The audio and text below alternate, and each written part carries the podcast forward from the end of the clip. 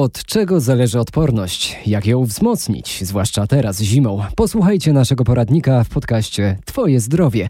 Marcin Czarnobilski, zapraszam. Na świat przychodzimy z wrodzoną odpornością, potem zyskujemy odporność nabytą i właśnie ta ostatnia w dużej mierze zależy od nas samych. Powstaje podczas naturalnego kontaktu czynników chorobotwórczych z naszym organizmem. O tej porze roku jesteśmy szczególnie narażeni na przeziębienia i infekcje. Wahania temperatur i coraz mniej naturalnego światła powodują, że nasz organizm ze zdwojoną siłą atakują bakterie i wirusy. Odporność bez wątpienia osłabiają niezdrowe nawyki, złe odżywianie, stres, niedobory snu, palenie papierosów i nadużywanie alkoholu. A co z suplementami diety? Czy warto sięgać po takie preparaty? Mówi doktor Alicja Sapała-Smoczyńska. Oczywiście są różne preparaty, które możemy stosować, żeby może nauczyć nasz układ odpornościowy troszkę bardziej walczyć. I tutaj chyba taką pierwszą rzeczą, o której warto powiedzieć, jest witamina D e, i jej pochodne oraz rzeczy, w których jest witamina D zawarta, czyli tran. Pamiętajmy o tym, że w ostatnich czasach jest taki swoisty boom na tą witaminę D, dlatego że zostało udowodnione działanie pleiotropowe, czyli różnorodne tej witaminy i rzeczywiście odgrywa ona, wydaje się, dosyć ważną rolę w tym szlaku immuno, immunologicznym. Co robić, by nie zachorować nie tylko zimą, ale nie dać się przeziębieniu przez cały rok? Anna Słaby z grupy Morsy Poznań nie ma w tej kwestii wątpliwości. Rozmawiał z nią reporter RMF Max Przemysław Wałczyński. Lekarze nie mają nic przeciwko, że kąpiemy się w takiej lodowatej wodzie, to faktycznie pomaga? Nie wiem, czy lekarze mają coś przeciwko, bo e, mnie lekarz rodzinny zna, ale nie zna mnie od strony chorobowej, więc e, nie ma nic do powiedzenia w tym temacie. Zdrowotnie nie będziemy dyskutować, e, czy warto, czy nie warto. Warto, bo odporność jest tak podniesiona, tak jest wzwyżka odporności, że tutaj nawet nie ma co debatować, bo tak jest. E, morsom nie jest zimno, jak się kąpią? Nie. I jest taka reakcja, zawsze się śmiejemy, że ci, co stoją na brzegu, podnoszą kołnierze, mocniej naciągają czapki, kaptury, im jest zimniej niż nam.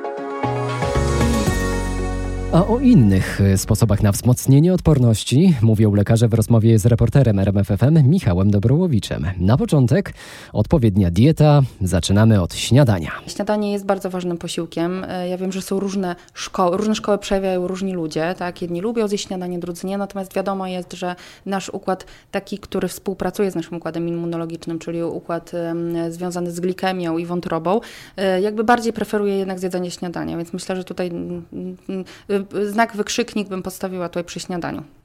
Musi być większe niż kolejne posiłki? Nie, musi być jakieś. Musi być jakieś i musi być zdrowe. Czyli owoce, warzywa? E, czyli węglowodany, tak, które będą nam się e, uwalniać e, szybko i wolno, czyli jaglanki, dużo różnych kasz, takie dziecięce rzeczy. Kto jest najbardziej narażony na grypę? Można mówić o takich grupach najbardziej? E, oczywiście są takie grupy, wyróżniamy je we wszystkich wytycznych. To są osoby powyżej 65 roku życia, to są małe dzieci poniżej 5 roku życia, e, to są również osoby chore przewlekle i kobiety ciężarne. Wiele infekcji wirusowych może wpłynąć niekorzystnie na płód. E, większość oczywiście takich e, wirusów, które powodują banalne przeziębienia jest e, absolutnie niegroźnych. Natomiast no, lepiej oczywiście będąc w ciąży unikać narażenia i infekcji. Natomiast no, trzeba pamiętać, że akurat wirus grypy może być bardzo groźnym wirusem dla kobiety ciężarnej i może spowodować no, w najgorszym wypadku nawet utratę ciąży, czyli poronienie czy obumarcie zarodka czy płodu. Co taka kobieta kobieta ciężarna powinna zrobić, żeby tego uniknąć? Odpowiem bardzo prosto: zaszczepić się przeciwko grypie. Oczywiście mamy cały szereg profilaktyki niespecyficznej. No możemy mówić, prawda, żeby unikać e, skupisk e, ludzi, kiedy jest sezon infekcyjny, prawda, zabezpieczać się w sposób niespecyficzny, ruch, świeże powietrze, zdrowa dieta, wysypianie się itd., tak itd. Tak to są takie zalecenia ogólnozdrowotne. Natomiast jeśli mówimy o takiej racjonalnej, specyficznej profilaktyce przeciwgrypowej, to jedyną formą zabezpieczenia się przed grypą jest szczepienie. Czy są jakieś mity na temat grypy, które mogliby moglibyśmy obalić? Chociaż jeden taki mit z Pani doświadczenia, z Pani obserwacji w gabinecie. Mitów jest całe mnóstwo. Powiedziałabym, że niestety krąży więcej mitów niż faktów. Natomiast e, myślę, że bardzo często e, powtarzanym mitem e, jest to, że po szczepieniu można zachorować. Więc chciałam ten mit zdementować. Jest to nieprawda, dlatego że szczepionka nie zawiera żywego wirusa. Zawiera jego cząstki, tudzież poszczególne antygeny.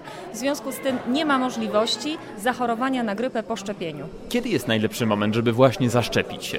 Każdy moment w sezonie infekcyjnym jest dobry. Szczepionki pojawiają się najczęściej na początku września. W tym roku pojawiły się już pod koniec sierpnia, więc właściwie jak tylko pojawią się szczepionki, można się zaszczepić, ale można równie dobrze zaszczepić się w styczniu czy w lutym, dlatego że trzeba pamiętać o tym, że szczytem sezonu grypowego w naszym kraju jest, y, są miesiące styczeń, luty, marzec. W związku z tym, nawet kiedy już y, właściwie zbliża się wiosna, nie jest za późno na szczepienie, kiedy widzimy, że ludzie chorują, a nie jesteśmy zaszczepieni. Czy profilaktyka dziecka różni się od profilaktyki dorosłego? E, profilaktyką specyficzną również jest szczepienie. Różnica polega w dawkowaniu, dlatego że e, dziecko, które jest szczepione pierwszy raz przeciwko grypie, powinno otrzymać dwie dawki e, w odstępie miesiąca, żeby szczepienie było w pełni skuteczne. A radziły dr Alicja Sapała-Smoczyńska i profesor Agnieszka Mastalerz-Migas.